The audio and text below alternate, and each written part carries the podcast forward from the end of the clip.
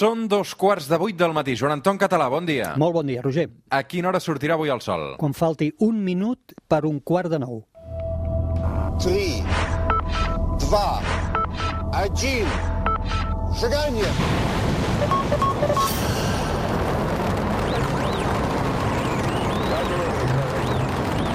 It's one small step for man,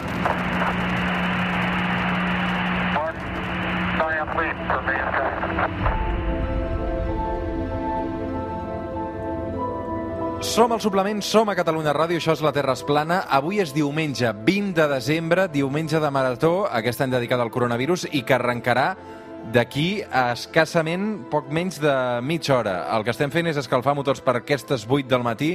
També un punt donarà el tret de sortida de TV3 i Catalunya Ràdio, aquesta marató d'aquest any. Joan Anton Català, tot a punt? Sí, sí, tot a punt, tot a punt. Tu ja ets un veterà d'aquesta marató, perquè també és la tercera temporada que, que ens acompanyes al, al suplement, Joan Anton, eh, per parlar de ciència.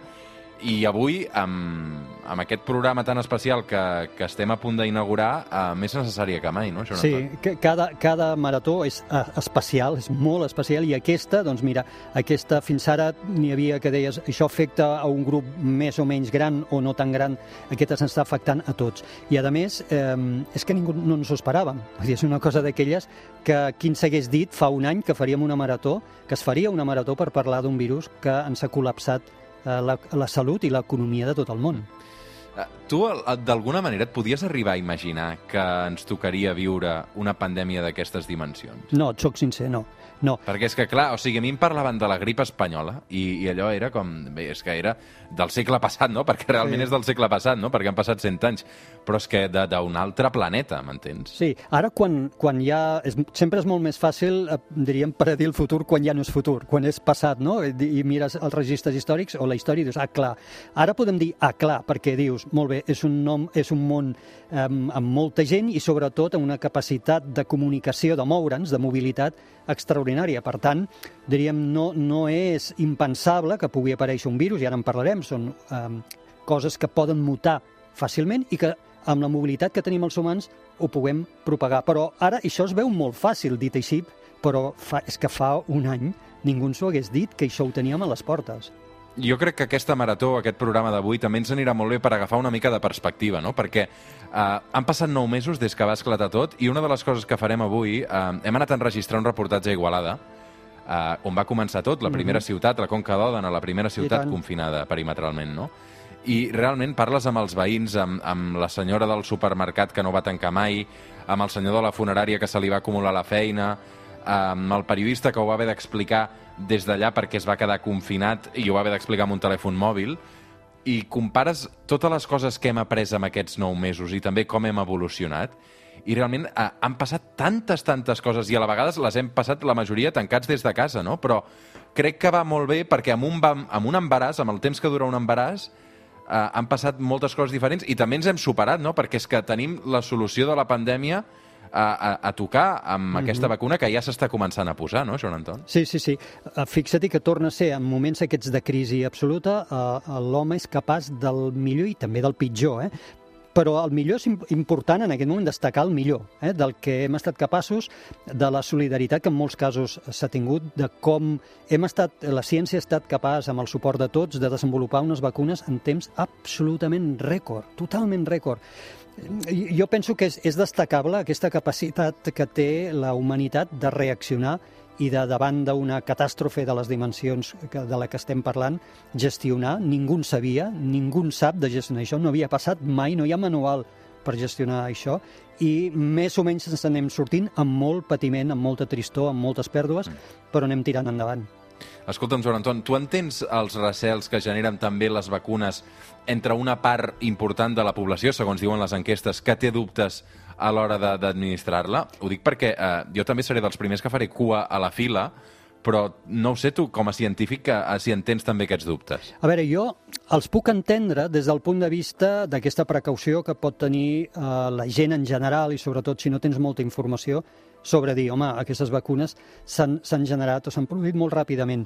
Eh, jo el que dic és mm, els procediments de seguretat han estat molt estrictes, molt estrictes, i en tot cas els efectes, per mi, eh, els efectes de no vacunar o el perill de no vacunar és molt superior en aquest moment als possibles efectes que no sabem si en tindrà adversos que podrien tenir aquestes vacunes. Jo seré també dels primers que aniré a posar-me-la. I és per això, i a més, jo penso que hem de tenir una consciència global, col·lectiva, eh, i no només, eh, diríem, individual, perquè aquesta consciència individual de dir, ah, no, no, doncs jo no em vacunaré per si de cas, doncs potser el que has de fer és quedar-te a casa sense sortir, perquè al final també el que estem volent fer amb tot això és un benefici a la globalitat. Com més gent eh, ens vacunem, menys risc hi ha de que aquest virus segueixi circulant. Per tant, riscos n'hi pot haver com en qualsevol altra vacuna, però els beneficis per mi superen amb escreix aquests possibles riscos que ja dic no estan demostrats i potser no n'hi ha, superen moltíssim els beneficis. Som al suplement, som a Catalunya Ràdio, aquest que sentiu és el Joan Anton Català, a la Terra es plana. Avui, especial la Marató, que arrencarà d'aquí pocs minuts al suplement. Avui, amb el Joan Anton Català, parlem i n'aprenem sobretot sobre els virus.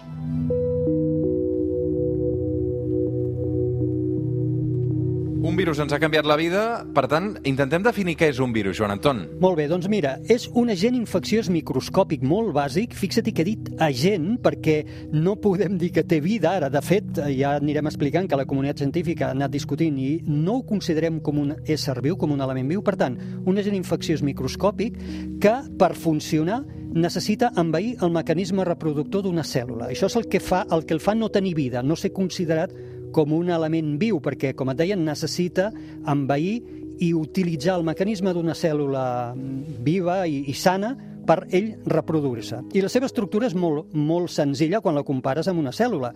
Per exemple, tenen cadenes d'ADN o ARN, que és un precursor, un precursor més senzill que l'ADN, que aquest, aquí és on té el seu material eh, genètic. Això ho té rodejat d'unes proteïnes que protegeixen aquest material genètic i alguns tipus de virus. Justament el Covid-19 és un d'ells. A més a més, té una altra capa externa amb una sèrie de lípids que fan com de càpsula i que protegeixen tot aquest conjunt. I ja està. Són, des d'aquest punt de vista, molt simples. Fixa't com ho són de simples, que un Premi Nobel de Medicina de l'any 60, que es deia Peter Medawar, els va, els va definir com els virus són un conjunt de males notícies envoltades en proteïna. Així de fàcil. Quina mida té un virus? És a dir, el, el, el Covid-19 famós, um, quina mida fa? Mira, Com jo, de gran és? Jo, el Covid no ho sé, i aquí voldria, voldria fer també un comentari, Roger, en, en el programa. Jo penso que el tema de, del Covid i tot el que estem ara patint és tan crític i tan especialment sensible per tots que jo en aquest programa el que em focalitzaré més és explicar què és un virus i com funciona en genèric. Donaré alguns exemples. Algun cop parlaré d'alguna propietat que té el Covid, però seré molt, molt defensiu i a l'hora de parlar... Prudent, prudent. Molt, Ho entenc molt, perfectament, molt, Joan Anton. perquè és supersensible i, a més, aquí a qui s'ha de deixar parlar d'aquest tema són els investigadors, que malauradament a vegades no els deixem parlar, són ells els que tenen l'última paraula d'un virus que fa molt poc el coneixem i que encara s'està investigant. Però dit així, en general, en genèric, els virus són extraordinàriament més petits Després veurem al programa al final que hi ha hagut alguna sorpresa, però extraordinàriament més petits que un bacteri. Per exemple, el virus del xarampió és 8 cops més petits que un bacteri famós que es diu E. coli i el de l'hepatitis, un altre, un altre virus, és 40 cops més petit que aquest bacteri. I per, per fer una comparació, la vaig buscar, i perquè ens fem una idea, doncs el virus de la polio és 10.000 cops més petit que un gra d'arròs. Per tant, són elements extraordinàriament simples i petits. Qui va descobrir els virus i com? Els virus, eh, el nom virus s'emprava ja des de feia, des de feia molts segles i s'associava a, a toxina o verí. Uh, I això va passar, o va ser així, fins a meitat del segle XIX. Llavors, a meitat del segle XIX, diversos científics uh, es van dedicar a estudiar una malaltia que presentava la planta del, del tabac, que en deien el mosaic del tabac. Pensaven que eren els bacteris el que els produïen. Hi va haver l'any 1886 un científic, Adolf Meyer, que eh, va agafar les fulles d'una planta de tabac malalt, les va aixafar i en aquest líquid va agafar el líquid i el va injectar en plantes sanes i va veure com aquestes s'enmalaltien i va deduir, per tant, que aquest suposat bacteri es trobava en els sucs de la, de la fulla de la planta eh, malalta. Però no va aconseguir identificar el patogen al microscopi. En els seus microscopis d'aquella època, recordem el que hem dit, que els virus són extremadament petits, no, no hi va veure res. Posteriorment, a l'any 1892, un estudiant rus que es deia Dmitri Ivanovsky va repetir l'experiment, però aquest cop va filtrar aquest suc, aquest extracte de les fulles, el va filtrar per un filtre que en principi impedia el pas dels bacteris i va veure que tot i així seguia infectant plantes que eren sanes. Per tant, a la, a la gent infecciós que hi hagués en aquell extracte no era un bacteri, o, o si més no, havia de ser molt, molt, molt, molt petit. I finalment, a l'any 1898, un holandès de nom Martius Bijking proposava que aquest agent infecciós era una mena, ell en va dir, un virus líquid, aquesta entitat diminuta.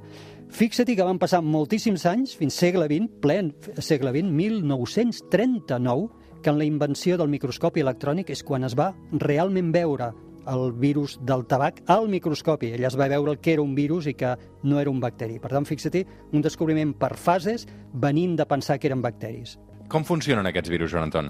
Abans dèiem, són molt simples comparats amb qualsevol organisme viu, com un bacteri o com una cèl·lula, i necessiten entrar dintre d'una cèl·lula mm, sana per raptar-la i obligar-la a funcionar tal com el virus necessita per reproduir-se.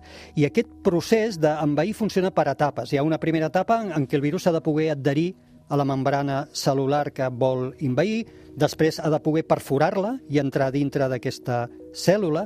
Aquí hi ha diverses estratègies. Depèn del tipus de virus. Pensem que hi ha moltíssims tipus de virus que utilitzen diferents, diferents estratègies. El del SIDA sembla que aconsegueix fusionar-se amb aquesta membrana celular per penetrar-la.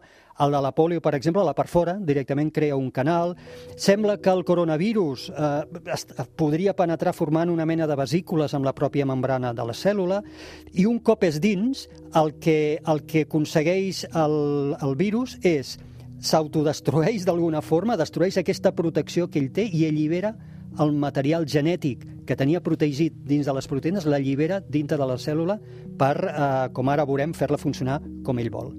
Molt bé, anem-ho complicant una mica més. Eh, arriba la part més crítica, que és la de la replicació, no? Eh, exactament què vol dir aquesta paraula, Joan Anton? Clar, acabem de veure com el virus ha penetrat a una cèl·lula que ha envaït i ha deixat anar el seu material genètic, ja sigui ADN o ARN, a dins. Llavors, això el que obligarà finalment és a, a la cèl·lula, tot el mecanisme celular, a fabricar les proteïnes i la còpia d'ADN o ARN que necessita el virus per tornar a fabricar una rèplica d'ell mateix. Per exemple, dins de les cèl·lules, el procés de fabricació de les proteïnes té lloc en un lloc de les cèl·lules que anomenem ribosomes. I els ribosomes fabriquen proteïnes en base a unes instruccions que la cèl·lula li envia a través d'un missatger. És, diríem, com un full d'instruccions de, de com ha de fabricar les, les proteïnes. Això n'anomenem l'ARN missatger. Això és el procés natural. Doncs el que fa el, el virus és canvia les instruccions, canvia aquest missatger, el full d'instruccions li canvia i obliga a les, eh, als ribosomes de la cèl·lula a fabricar les proteïnes que el virus necessita per reproduir-se, per tornar-ne a fabricar una rèplica. I a més a més, mentre fa això, també replica el seu genoma aprofitant les cadenes d'ADN o ARN. De forma que al final el que està fent és això, s'està obligant a la cèl·lula a funcionar com una reproductora d'ell mateix. Molt bé. Què més fa el virus? Um, perquè els estem intentant entendre també des de, des de la mirada científica. Uh, un cop uh, ja ha passat aquesta primera fase, Um, què més passa? Molt bé, ara som que ja la cèl·lula està fabricant pobreta, sense saber-ho, les proteïnes i replicant el material genètic que necessita el virus. La següent fase és que tot això s'ensambla, es torna a matxembrar per tornar a crear un nou virus, de fet no un, sinó molts d'ells, totes aquestes proteïnes que fabrica la cèl·lula, més a, a l'ADN o a l'ARN que ha fabricat, dins a la cèl·lula s'ajunten per formar eh, nous components, nous virus. Finalment, el virus, per poder seguir la seva cadena infecciosa, necessita alliberar-se, perquè fins ara el tenim confinat dins la cèl·lula. I aquesta és l'etapa final. A l'etapa final, el virus s'allibera, aconsegueix alliberar-se de la cèl·lula per envair, per infectar altres cèl·lules. Això, molts cops, tot i que no sempre, ho fan destruint la pròpia cèl·lula. És a dir, la fan, les destrueixen per ells alliberar-se i passar a poder envair a la següent cèl·lula. Mm. Últimament només parlem del coronavirus, però de virus n'hi ha moltíssims al món. Sabem quina quantitat de virus hi ha? Quants n'hi ha? És brutal, Roger. Quan preparava el programa ho vaig buscar. Resulta que són les entitats biològiques més abundants que té la natura. I els experts estimen que podrien haver més de 10 quintilions de virus de qualsevol tipus a la No Terra. sé què vol dir aquesta, no sé què vol dir aquesta xifra. 10 quintilions jo Quintillions. tampoc, però ara t'ho dic, dic diferent, mira, perquè jo O sigui, és, tampoc... un- és un milió multiplicat per quan? Mira, eh, són, són, cinc, són cinc, a veure si t'ho sé dir, són un milió d'un milió, sí, és un milió d'un milió d'un milió d'un milió d'un milió, doncs pues 10 vegades això, vale? Eh, I dius, bueno, això a mi, jo faig overflow, és dir, el meu cap no pot processar això. Doncs mira, la- l'equivalència, que tampoc la podrem processar, però ja t'ho dic ara, l'equivalència és que si poguéssim posar els virus, tots aquests, un rere de l'altre, i mira que t'he dit que són de petits, eh? formarien una cadena tan llarga com tota la nostra galàxia. Increïble, increïble. És dir, com et deia, l'entitat biològica més abundant de la, a la natura. Som al suplement, som a Catalunya Ràdio, avui amb el Joan Anton Catalàs, que el fan motors per aquesta marató que arrencarà d'aquí pocs minuts, parlant dels virus.